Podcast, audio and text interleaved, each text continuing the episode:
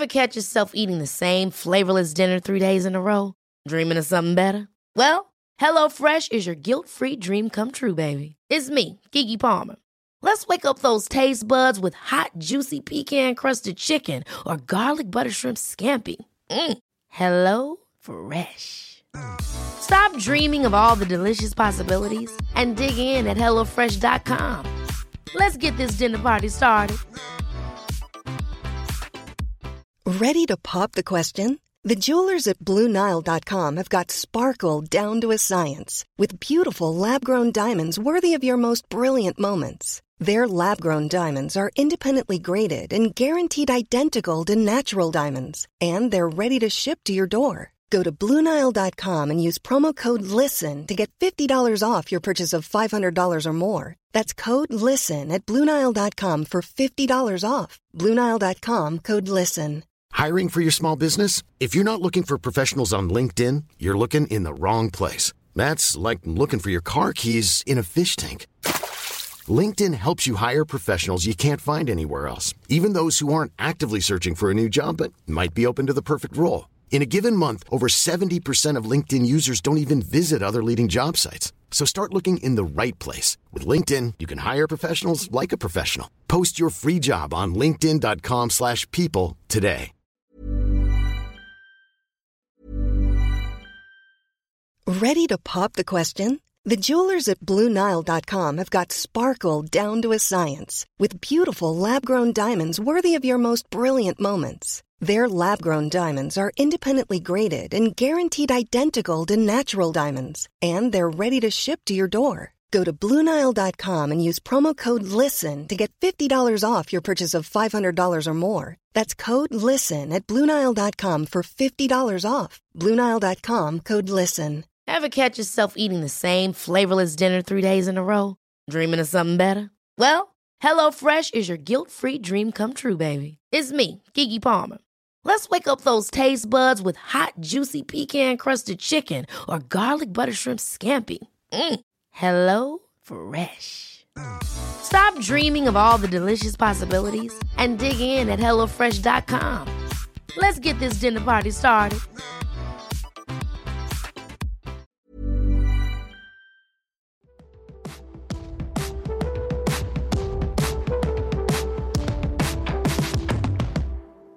Välkomna till Krönikörerna, välkommen Elin. Tack! Hur mår du? Jag mår bra. Har du vårkänslor? Som jag? Det, det spritter fan i, i kroppen när man ser de här vårforsarna och tussilagorna som har kommit upp. Ja, visst är det lite pirrigt? Eh, jo, om du säger det. Ja, jo. Ja. Eh, premissen för vår podd är enkel. Man pitchar två idéer till den andra och så får den andra vara domare och välja och så kör man på den ena och kan inte du börja idag? Jag har två spaningar och jag ska fatta mig ganska kort kring dem. Mm. Den första spaningen handlar om pengar. Det kanske sista tabut som vi har i Sverige. Och hur jag och min man förvandlades till Sunes snåla pappa Rudolf på senaste semestern. Mm, kul. Spaning två handlar om män som inte tittar på kvinnor. Det är en ganska sorglig nutidsberättelse om hur jag och min kompanjon behandlas väldigt annorlunda på möten. Mm. Oj vad bra, men får jag spara? Är det så att du tycker båda är bra? Ja men båda var jättebra. Kan vi bestämma att vi sparar idé nummer två till nästa gång? Och pratar om sista tabutpengar för det är ju ändå jättekul. Okej, okay, ja men vi kör på det. Jag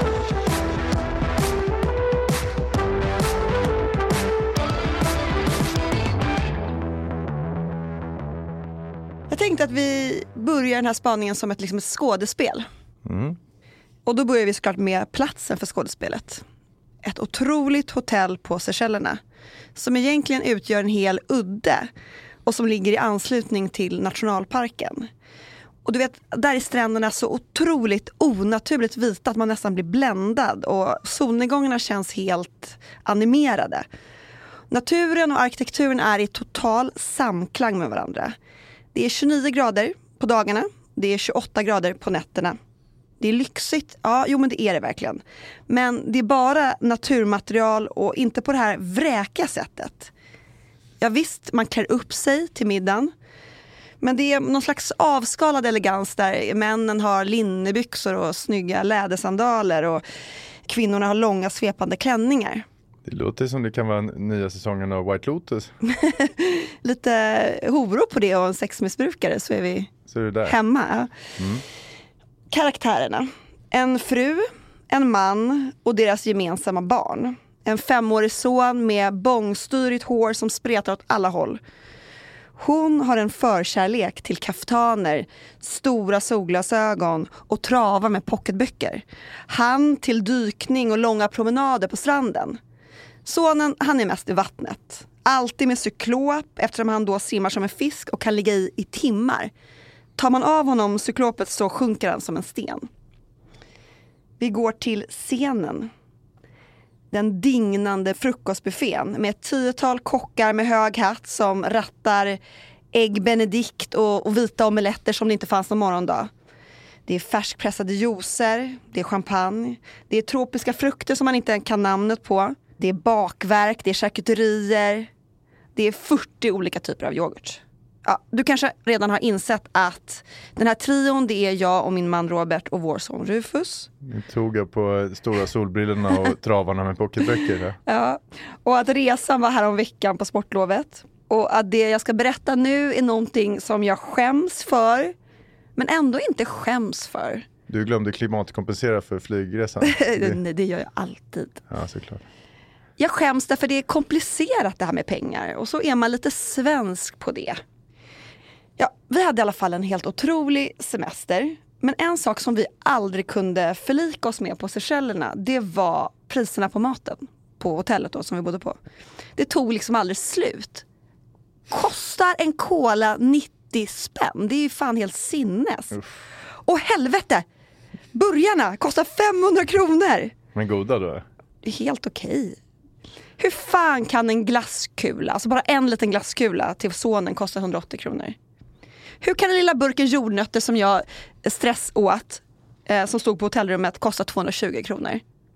Och så där höll vi på. Och vi kunde liksom inte sluta, vi var som repiga skivor. Det är inte så njutbart låter det som. Nej jag vet, det är liksom helt eh, masochistiskt. Och jag kan anta att vi var de enda på hotellet som höll på så här. För resten av eh, människorna som var där, det var ryssar och amerikaner. Vilket i sig är ganska intressant med tanke på dagens läge. Men hotellet är en fredad zon då man inte pratar om Putin och orättvisor. Tillbaka till frukostbuffén. Vi kom på ett sätt då vi kunde liksom lura systemet. Vi skulle hacka liksom slutnotan. Och det jävligaste av allt var att vi blev bättre för varje dag. Det började med att vår första lunch då landade på 3000 kronor. Och det här var alltså en helt vanlig. Va- vad åt ni då? Någon åt nudlar, en annan åt burgare, pannkakor. Alltså inga excesser. En vinare i alla fall? Nej. Nej, nej, nej. nej. Jag herregud. drack en cola, min man en bärs. Ja. Då kom vi på att men vi kan ju ta lite matsäck från frukostbuffén. Så kan man liksom äta en lätt lunch följt av en tidig middag. För vår son äter ändå tidigt och går och lägger sig ändå hyfsat tidigt. Ni anammade någon så här klassiskt chartersnikbeteende på er lyxresor. Ja, det, finns det, här, ja, det finns ett namn på det här. Ja, sagt och gjort. Vi hittade den perfekta väskan att ta med oss. En ganska så lång, smal läderväska som kan liksom stå av sig själv och är helt öppen upp till. I början var vi ganska försiktiga. Tror första lunchen som vi snodde, det var nog tre ägg, några croissanter och lite färsk frukt. Men ju mer dagarna gick desto mer järva blev vi. Man blir girig. Vi började fylla långa baguetter med parmaskinka ost. Vi slog in allehanda bakverk i servetter. Gjorde ni liksom räkna med, hur, nu har vi sparat det här, nu tjänar vi 780. Vi rullade in pannkakor med Nutella till Rufus. Mm. Vi visste liksom exakt vilken frukt som klarade det här fallet då till väskan. Vilka var det? Och, och vilka som blev mosiga och inte. Nej men äpplen och päron klarade Ja. det här men liksom bananerna. Mango såg- blir lite äckligt där. Och då när serveringspersonalen i, i matsalen inte var i vår direkta närhet så droppade vi maten i lädersäcken. Vi lärde oss att liksom kommunicera utan ord, jag och Robert. Endast genom ett ögonkast så kunde jag se när det var dags att droppa. Och som vi då började kalla det för. droppa maten. Drop it! Drop it. Och sen la vi in då, ja men precis som då charterresenärer, dagens fångst i minibaren. Och så dukade vi upp det hemma när det var dags för lunchpaus. Och jag minns att min son frågade så här, mamma varför äter vi bara lunch på balkongen? Får jag komma med ett litet råd i all välmening här? Ja. Alltså, ska inte boka helpension och liksom ta den ekonomiska smällen innan ni reser Absolut. och lida där hemma Jag i villan och sen inte när ni är där för det låter inte så bra för harmonin. Ja, men vi tyckte ju att det här var kul. Ja. För mig, ja, Det blev kan- en sport. Ja, men för mig är det fortfarande en sport att kolla på så här deals på ICA och eh, jag tror alltid jag kommer vara sån. För det här leder mig in på pengar helt enkelt. Det finns ju få tabun kvar i, i vårt land men visst kan man hävda att pengar är ett av dem. Ja, verkligen. Man kan ju fråga sina polare om sjukdomar och sexliv men aldrig någonsin månadslönen eller vad de har på bankkontot. Det är som ett skamgrepp. Eller hur? Och fråga vad någon fick ut för sin lägenhet eller vad de pröjsade för sommarhuset. Man gör helt enkelt inte det. Nej. Här är vi relativt ensamma i världen. I en massa andra länder, ta bara vår stora granne i väst, USA, då är det någonting man pratar helt öppet om. Och även att visa att man har pengar i Sverige är ju väldigt känsligt. Och här skiljer vi oss från andra länder och kulturer. Hugo, vilket klimat föredrar du? Det svenska eller det amerikanska? Alltså generellt alltid det svenska. Jag har lite svårt för amerikaner, eller framförallt när amerikaner är för amerikanska om du fattar vad jag menar. Men, men just Mm, precis. när det kommer till stålar så har ju de mer rätt än vi. Alla tänker på pengar jämt. Mm. Så det här att trycka undan den är ju bara trams och det skapar inte ett sundare förhållande till det heller. Tror jag. Nej, och jag tror till och med att skulle man prata mer öppet om pengar så skulle man få ett mer jämställt eh, klimat, till exempel mellan män och kvinnor. Om man helt öppet berättade vad man tjänade. Men idag trycks den typen av frågor ner. Mm, grymtar du. Alltid det där. ja, men tillbaka till pengar. All forskning visar att pengar har betydelse för vår lycka. Framförallt om man inte har några pengar. Men efter ett hand så slår man i ett tak. Alltså när man redan har pengar, ganska mycket pengar, då blir man inte lyckligare av mer pengar. Nej. Men när slår man i det där taket? Har du slagit i det där taket? Nej, men, ja, det har, alltså, man brukar säga att det är grundläggande, 40-50 000 i månadslön brukar man säga. Okej. Eller brukar man, har jag läst på många, många ställen. För då täcker man de grundläggande behoven, då tar man liksom bort Mm, ångesten. Mm. över maten och elräkningen och så vidare. Och så efter det så säger ju undersökningar då att pengar påverkar lyckan i ganska liten utsträckning. Allt mer man tjänar. Och jag kan känna igen det där. För säga, tio år sedan kanske eller något sånt där så lyckades jag få undan tillräckligt mycket pengar för att jag skulle kunna lalla i några år om jag vill. Alltså jag skulle kunna dra ner till Öland och skriva dikter i tre år. Jävla mardröm eh, om man tänker på det. Men det skulle gå. Och sen dess så är liksom inte ekonomi det som håller mig sömnlös. Nej. I alla fall. Men jag funderar lite på det här vad pengar betyder för mig och jag har kommit fram till att det har alltid varit viktigt för mig att tjäna pengar för jag tror att det har att göra med att jag har ett ganska stort behov av att vara självständig. Klara mig själv. Jag har aldrig velat vara beroende av någon annan, i alla fall inte ekonomiskt. Och jag har alltid känt att jag behöver en ganska stor summa fuck off-pengar. För att det är för mig frihet att kunna dra om det så skulle Men är det vara. inte något slags kvitto på att du lyckats också? Jo, det är det ju också såklart. Ja. Jag har ju absolut haft en, bra bakgrund men jag har aldrig fått pengar någonsin i mitt liv av någon. Nej. De pengarna jag har har jag tjänat ihop själv. ja, det är väl jättebra. Eh, och jag, så därför har jag också väldigt svårt tror jag att betala överpris för saker. Jag vill inte bli lurad. Nej. Kan du fatta den känslan? Ja, men det vill ju ingen bli. Jag tycker att man blir lurad om man betalar 550 kronor för en medioker burgare. Ja. Alltså, ja, du fattar. Men Hugo, vad betyder pengar för dig? Men jag tror att det är ett slags kvitto på att man lyckats med någonting. Jag kommer inte heller från massa pengar så att eh, alla eventuella vanor som jag har lagt mig till med det är jag som har konstruerat dem, hittat på dem alldeles själv. Där är jag nog lik dig också. Vi har alltid haft mycket mer kulturellt kapital än verkligt kapital i Verkligen. min lilla släkt. Farfar var professor i folklivsforskning och han jobbade med tv och var lite som så dåtidens Fredrik Lindström. Han var domare i frågesporten Kvitt eller dubbelt. När alla tittade, det bara fanns en kanal, alla tittade på det där. Och sjukt nog var min pappa samma sak 20-30 år senare. Båda de här jävla gubbarna var sommarpratare och åtnjöt liksom lite kulturell kreat, farfar kanske lite mer. Och det här har ju skapat en känsla av underlägsenhet hos mig när det gäller det där. Men jag har fan lyckats tjäna mycket mer pengar än båda de här två. Så det har liksom Det är din liksom, har revansch. Ja det är min revansch mot att jag liksom inte duger kanske riktigt i det andra. Så där har pengar varit oerhört viktigt. Mm, jag fattar. Ja, men jag började tänka lite på så här, Ingvar Kamprad. Han sa ju att det är inte de stora inkomsterna som gör dig rik utan de små utgifterna. Jag tror att det är sån jävla bullshit. Eh, jag tror verkligen inte det stämmer. Inte. Men det är ju så här, i företagande och sånt, det är väl viktigt att hålla ner, inte fördyra Nespresso-kapslar. Ja, men jag tänker ju lite på Ingvar Kamprad, hur han levde. Han levde ju en extremt modest livsstil. Mm. Körde runt i en gammal Volvo 240, köpte inga nya kläder. han, men han var ju värdelös på att vara rik, det var, Ja, ju, han var ju tråkig. Jag liksom. tror inte han fick något nöje av resor eller den typen av upplevelser. Jag tror han fick sitt nöje i att se hur Ikea växte och blev större. Ja. Alltså han hade ju plöjt in de flesta av sina pengar i Ikea. Mm. Men när han dog så hade han en privat förmögenhet på 1,3 miljarder. Mm. Och hälften av de här pengarna fick hans tre söner och adoptivdotter. Och resten av halvan gav han till företagsverksamhet i Norrland. Visste du det? Det? Var ju det som var så sjukt, ingen fattade någonting.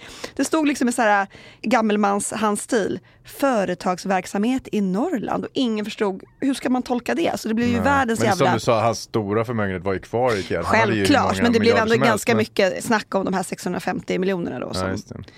Men om Kamprad då personifierar rik och sparsam så har jag hittat hans motpol i Bill Perkins. Och då menar jag alltså inte fattig och slösaktig utan Vem är det? nej men han är alltså en helt fantastisk eh, författare som har skrivit en bestseller som heter Die with Zero. Och det handlar helt enkelt hur man ska växla över från sparande till spenderande för att få ett bättre liv. Och den här boken kom eh, 2020. Ja, men tänk om målet i livet är att maximera mängden positiva livsupplevelser snarare än att maximera mängden pengar på ditt konto. Ja, det är en sundare inställning. Ja, eller hur? Ja, det, det finns väl en del som har den inställningen, hoppas jag. Ja, men alltså, det här har ändå öppnat upp för mig. Jag ska verkligen börja leva lite mer så här. Och att pengar på kontot när man dör, menar då Bill Perkins, det är slöseri med tid för att du arbetade då du inte behövde arbeta. Du kunde ha gjort någonting annat. Bill Perkins menar att när vi blir gamla så är det med våra minnen som vi går i pension. Och det är via dem som vi kommer utvärdera vårt liv. Så därför ska vi börja samla på livsupplevelser tidigt. Och för det glömmer många bort att man har faktiskt ett tids och hälsofönster för upplevelser. Den där New York-resan, den är förmodligen mycket roligare när du är 30 än när du är liksom 85. Och det kanske inte ens är fysiskt möjligt att vandra Inkaleden till Machu Picchu när du har pensionerat dig. Nej. Och dessutom så ger minnen utdelning varje gång du tänker tillbaka eller berättar en historia. Och han menar också att delade minnen med vänner och familj multiplicerar avkastningen. Så minnen som du skapade vid 20 års ålder ger alltså mycket större utdelning än om du fick dem när du var 60. Mm, fin. Är det någon slags förfinad carpe diem YOLO-grej du har här? Ja, men alltså, han har skrivit den här boken utifrån nio regler, jag tänker inte uttråka er med att dra igenom dem. Nej men det är jätteklokt. Ja men det är jävligt alltså, smart och alltså, en av teserna kring pengar i boken det är att nyttan med pengar minskar över tid. Man ska alltså använda pengar när man har som störst nytta av dem. Och svaret blir alltså die with zero. Planera ditt liv så att du får glädje av alla de pengar som du tjänar och ackumulerar. Det här är alltså en variant på det som forskningen så fint kallar för life cycle hypothesis. Oj. Men barnen då, kanske du tänker? För det tänkte jag på när jag läste den här boken. Ska man liksom lämna dem med ingenting? Ja. Nej, nej. Jo, det tycker jag. Nej, det tycker inte Bill Perkins och det tycker faktiskt inte jag heller. Men han menar så här, man ska ge pengar när man bäst behöver dem. Och det är alltså inte i 60-årsåldern då man vanligtvis förlorar sina föräldrar. Utan det är mellan 18 och 35 som man behöver pengar mest. Fast då är man ju helt efterbliven och gör av med dem på fel... Nej men det är då man köper sitt första hus, man bildar men- familj och har Men det är en med man kan utgifter. hjälpa dem med en, med en bostad möjligen. Ja. Jag, fick väldigt eh, mycket bättre bild av Sebastian Simatowski när jag såg honom för några år sedan i tv. Och, och han Alltså sa Klarna-killen. Ja, Klarna, miljardären, han sa att hans barn kanske inte skulle få ärva något av alla hans miljarder för att han vill inte ta ifrån dem drivet. De måste hitta sina egna Ja, sätt. och det är ju tycker Bill jag- Gates filosofi också. Ja, verkligen. Och jag tycker det här är vettigt. Och apropå det du sa innan där om, det finns en eh, känd affärsman som heter Carnegie. Han sa lite samma sak som din Perkins. Att det är liksom ovärdigt att dö rik till och med. Ja, Det- Man ska ge bort förmögenheten. jag hittade en jävligt saker. snygg eh, replik i en film, Oceans 12. Då säger karaktären Saul Bloom Mm. Det är han helt, gamla gubben va? ja, helt lugnt, han säger så här I want my last check to bounce. Ja, Jag tyckte snyggt. det var så jävla snyggt. Det kan vara rubriken på det här avsnittet. Det var snyggt. Ja, och från och med nu så ska jag börja leva lite mer så. Nästa semester kommer det inte bli några torra baguetter från frukostbuffén till lunch. då blir det lus. Är förlåt? Lus? Vi känner inte till lus, det är liksom det hetaste just nu. Lunch Mm. utan slut. Ja, Sneak-Elin, det var kul. eh, får jag köra? Ja, gärna. Mina två idéer då. Nummer ett, mat är inte konst. Här har jag en teori att de enda genierna som vi accepterar riktigt risigt beteende från nu med är våra stjärnkockar. Och jag tycker att det här säger mycket om vår tid och det där hetsar jag upp mig över. Två då, lyxen är att känna avund. Att fantisera om att gå i någon annans skor kan vara fantastiskt så länge det stannar vid en fantasi. Här gräver jag djupt och använder mig bland annat av Aristoteles för att förklara teorin. Du ser, oj. Mot, du ser liksom motvillig ut nej, nej, nej, nej, jag tänker eh, båda kul, men jag tycker det här med stjärnkockar och svinigt beteende fick mig att tända till. Så att nummer ett känner Mm. jag. Jag såg filmen Tar häromdagen, har du sett den? Ja men det är den med Kate Blanchett va? Det är det, den är svinbra. Kate Blanchett är någon slags upphöjt dirigentgeni. Hon Är inte hon en av våra tids absolut största kvinnliga Jo, hon är skådespelare? bra. Hon är lite ny Meryl Streep. så Ja, jag har- tycker, håller ja men om det. Hon är liksom den första Tar, som hon heter då, är den första kvinnliga chefsdirigenten för Berlins filharmoniker. Och hon ska ge sig på någon liveinspelning av Mahlers svåraste symfoni. Hon, hon spänner bågen. Liksom. Mm. Superbegåvad. Sval, lesbisk, flyger privatjet till alla konserter, bor i en mäktig brutalistvåning. Men vänta, privatjet, tjänar man så mycket som Det är dirigent? inte hon som, det är väl, eh, fan vet jag, någon mecenat. Eh, Jag Ah, ja, kommer till det okej. att det här Okej, är okej. en fantasi. Ja, det är en sak. Eh, bit för bit förstår man att det här geniet även har en ganska mörk sida och lynnig och jävlig och knäcker folk med sin vidrighet, skapar magsår hos assistenter och anklagas även för att ha utnyttjat kvinnliga elever sexuellt. Alltså egentligen som män har gjort genom tiderna. Jamen, Det är, jo, det är intressant att de väljer att, att, att, att, att det är en kvinna som gör det här tycker jag. så jävla enkelspårigt. Alltihop är en fiktiv historia om makt, kulturell status och vad genier tillåts komma undan med. Liksom det här kan man separera konst från konstutövaren. Men framförallt filmen är ju en fantasi och jag tänkte på det när jag satt och kollade på den. För det man inte visar är halvfulla konsertlokaler och en grånad publik där mer än hälften har ena foten i, i dödsriket. Eh, den, den klassiska musiken lever på lånad tid, tror jag, tyvärr. Och jag tror Tyvärr inte att- kan man tycka ändå. Ja, ja visst. Alltså vi behöver ju klassisk musik. Ja, absolut. Eh, Funnits i och- tusen år, alltså det är ju viktigt. Alltså, den, är, den dör väl inte, men den är för en tynande tillvaro. Och Men jag, tror så här, alltså klassisk musik kräver ganska mycket av sin åhörare. Och det tidsspannet har inte människor idag. Allt ska gå så jävla snabbt hela tiden. ja, men, och jag tror inte ett ögonblick på att en dirigent idag har råd att bete sig som ett svin med allt och alla. Det är för skört för det. Den sista möjligheten dog kanske med metoo. Däremot tycker jag det verkar finnas en bransch där den här tokiga genikulten lever och frodas. Där man fortfarande kan komma undan med att bete sig helt sinnessjukt. Och det är i restaurangköken. Men gud vad intressant. Alltså talar du av liksom egen erfarenhet? Absolut inte, jag kan ha aldrig stått och hackat lite. Det är en teori. Men Noma i Köpenhamn la ner för ett tag sedan. Ja, varför gjorde de det egentligen? restaurang. Man vet inte, officiellt på grund av dålig business och det är ju skitsvårt att få ekonomi i sådana där fine dining-krogar. Det kräver det är ofta Var du någon... någonsin där och käkade? Nej, tyvärr inte. Mm. Men det brukar ju vara rika mecenater som pumpar in pengar underifrån. Så är det ju här i Sverige. Mm. Men världens bästa krog då, som den kallades. Men i samband med att det lades ner så spreds även massa rykten om, om en helt bisarr medarbetarkultur där. Där toppkockarna skollade sina sopiga underordnade med hett kaffe eller kastade deras Fan, iPhones i fritösen om, om såsen hade skurit sig och sånt. Ja, men helt sinnessjukt Ja. Det borde ju Eh, göras den stora dokumentären om det här. Ja men eh, Janne Josefsson får avpensionera sig och sticka Ja, ner dit. Och, för nu har de ju stängt igen. Men, och då är min teori att den här sortens beteende existerar år 2023 tror jag handlar om att den enorma prestige som finns kring, dels är det en kulturfråga med restaurang, men och det finns en enorm prestige kring fine dining. Mm. Och att stjärnkockar på många sätt betraktas som vår tids stora konstnärer.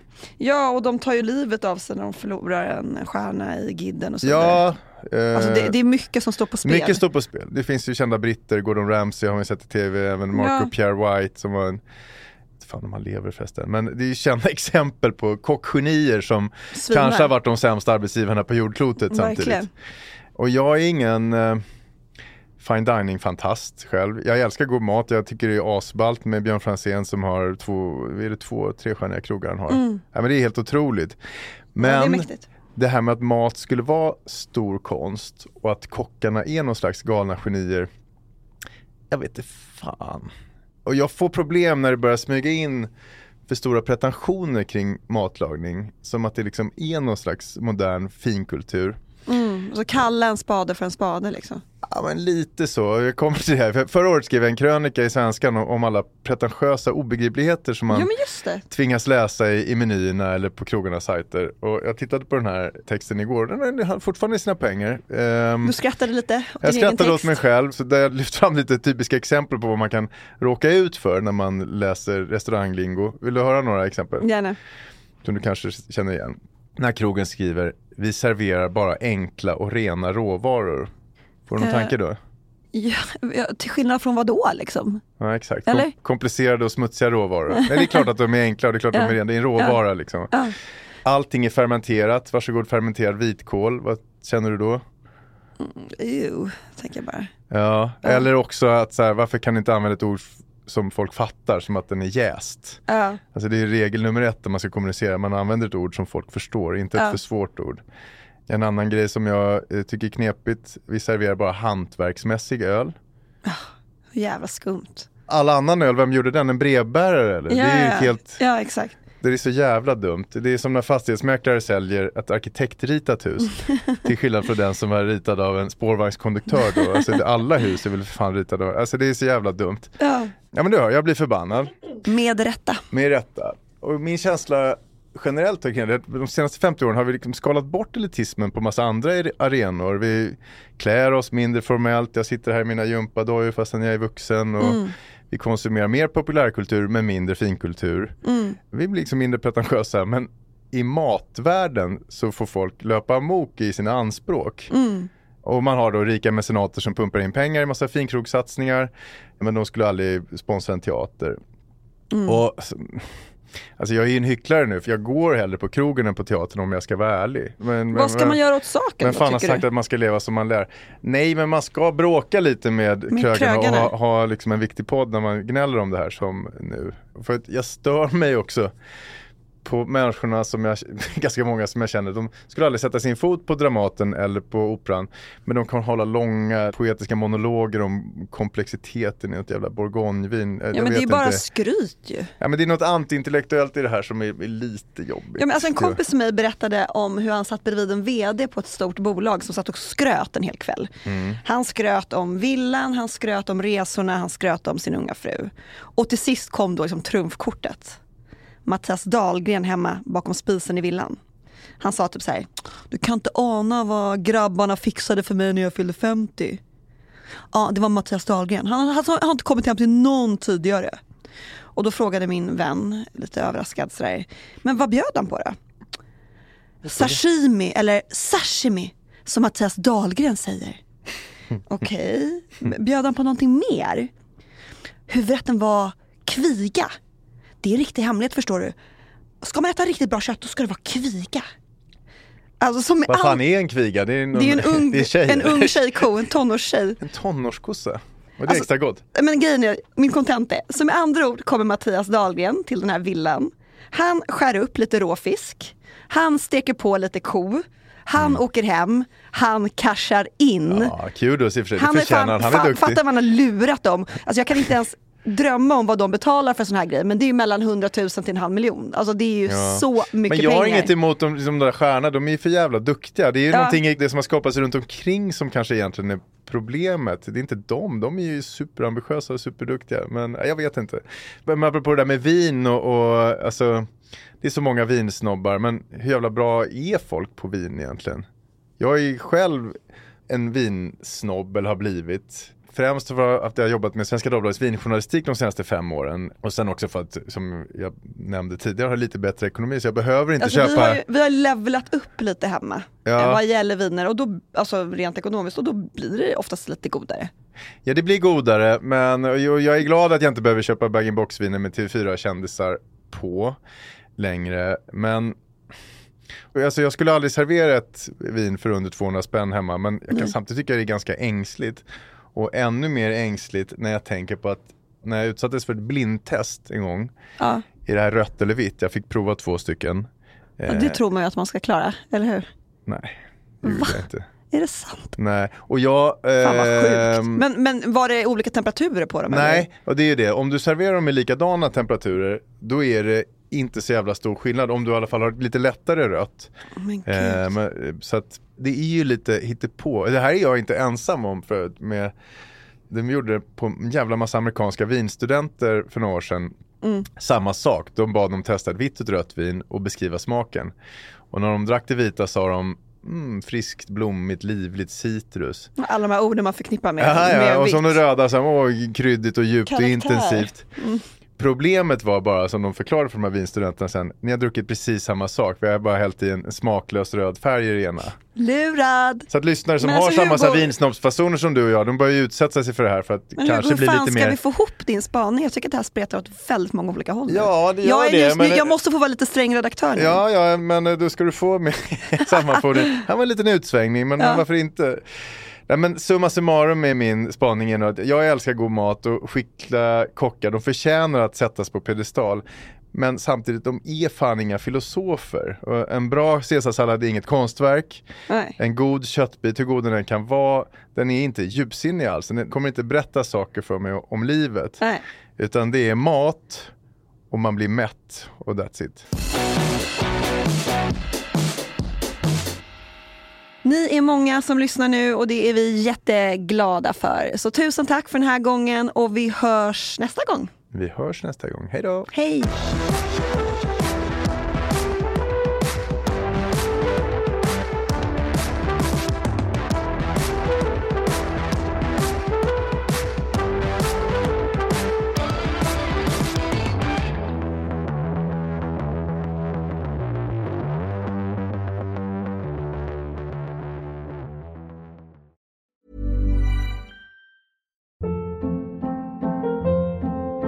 Hold up. What was that? Boring. No flavor. That was as bad as those leftovers you ate all week. Kiki Palmer here, and it's time to say hello to something fresh and guilt-free. Hello Fresh. Jazz up dinner with pecan-crusted chicken or garlic butter shrimp scampi. Now that's music to my mouth. Hello Fresh. Let's get this dinner party started. Discover all the delicious possibilities at hellofresh.com. Even when we're on a budget, we still deserve nice things. Quince is a place to scoop up stunning high-end goods for 50 to 80% less than similar brands. They have buttery soft cashmere sweaters starting at $50, luxurious Italian leather bags, and so much more. Plus, Quince only works with factories that use safe, ethical, and responsible manufacturing. Get the high-end goods you'll love without the high price tag with Quince. Go to quince.com slash style for free shipping and 365-day returns.